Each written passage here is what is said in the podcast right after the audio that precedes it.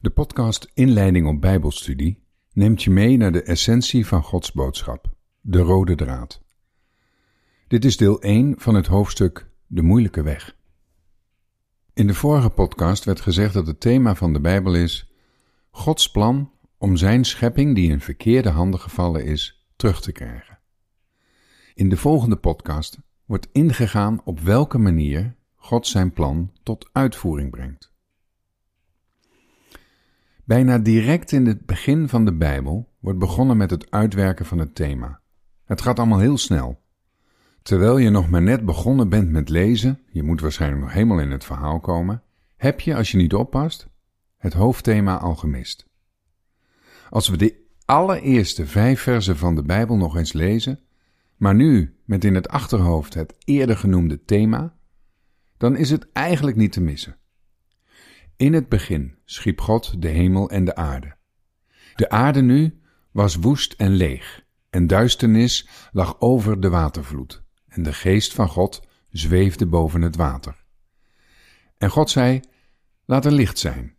En er was licht. En God zag dat het licht goed was. En God maakte scheiding tussen het licht en de duisternis. En God noemde het licht dag, en de duisternis noemde hij nacht.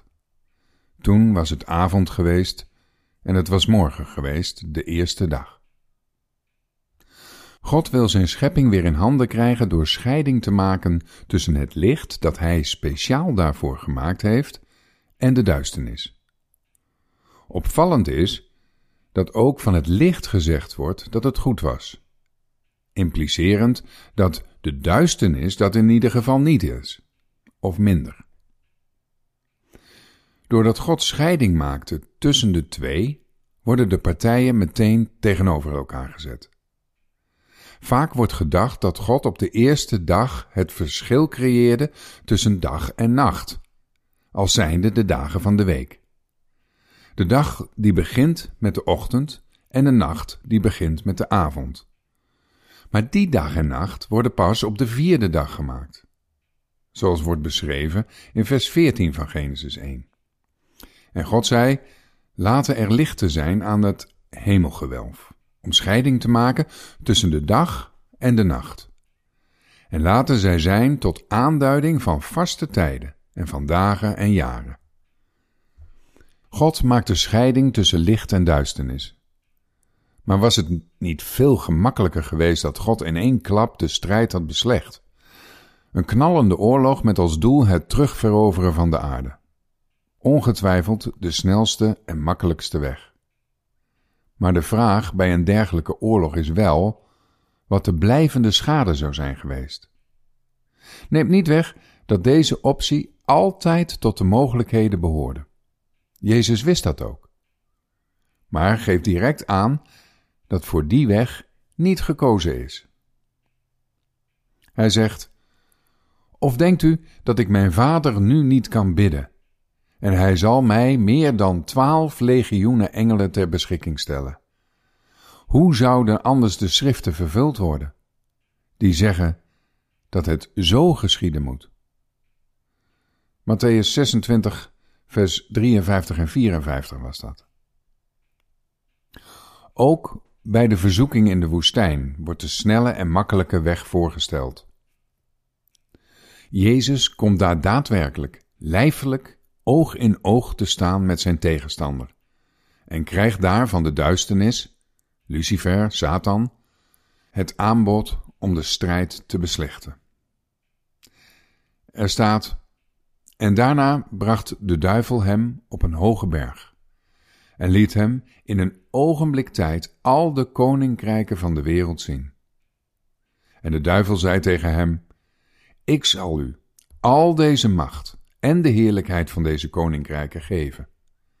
Want die is aan mij overgegeven en ik geef die aan wie ik ook maar wil.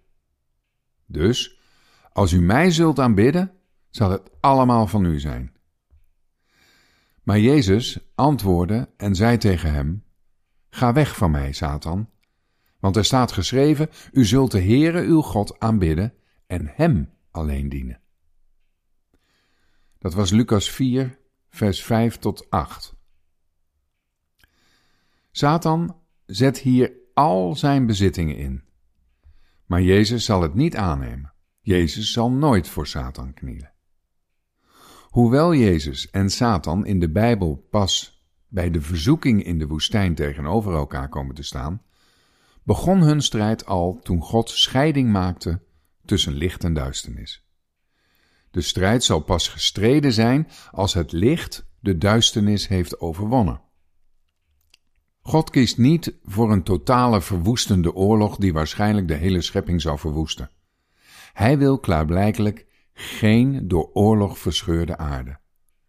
God pakte het gelukkig wat subtieler aan en koos voor zijn doel de mens die hij speciaal daarvoor maakte, zoals beschreven staat in Genesis 1, vers 26 tot 30.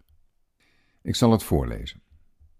En God zei: Laten wij mensen maken naar ons beeld, naar onze gelijkenis.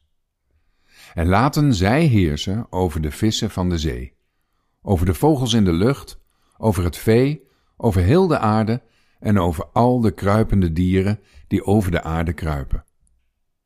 En God schiep de mens naar zijn beeld. Naar het beeld van God schiep hij hem. Mannelijk en vrouwelijk schiep hij hen. En God zegende hen en zei tegen hen: Wees vruchtbaar, word talrijk, vervul de aarde en onderwerp haar.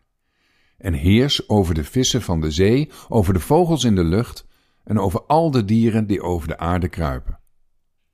En God zei: Zie, ik geef u al het zaaddragende gewas dat op heel de aarde is. En alle bomen waaraan zaaddragende boomvruchten zijn, dat zal u tot voedsel dienen. Maar aan al de dieren van de aarde, aan alle vogels in de lucht en aan al wat over de aarde kruipt, waarin leven is, heb ik al het groene gewas tot voedsel gegeven. En het was al zo. Dit was deel 1 van het hoofdstuk De moeilijke weg van de podcast Inleiding op Bijbelstudie.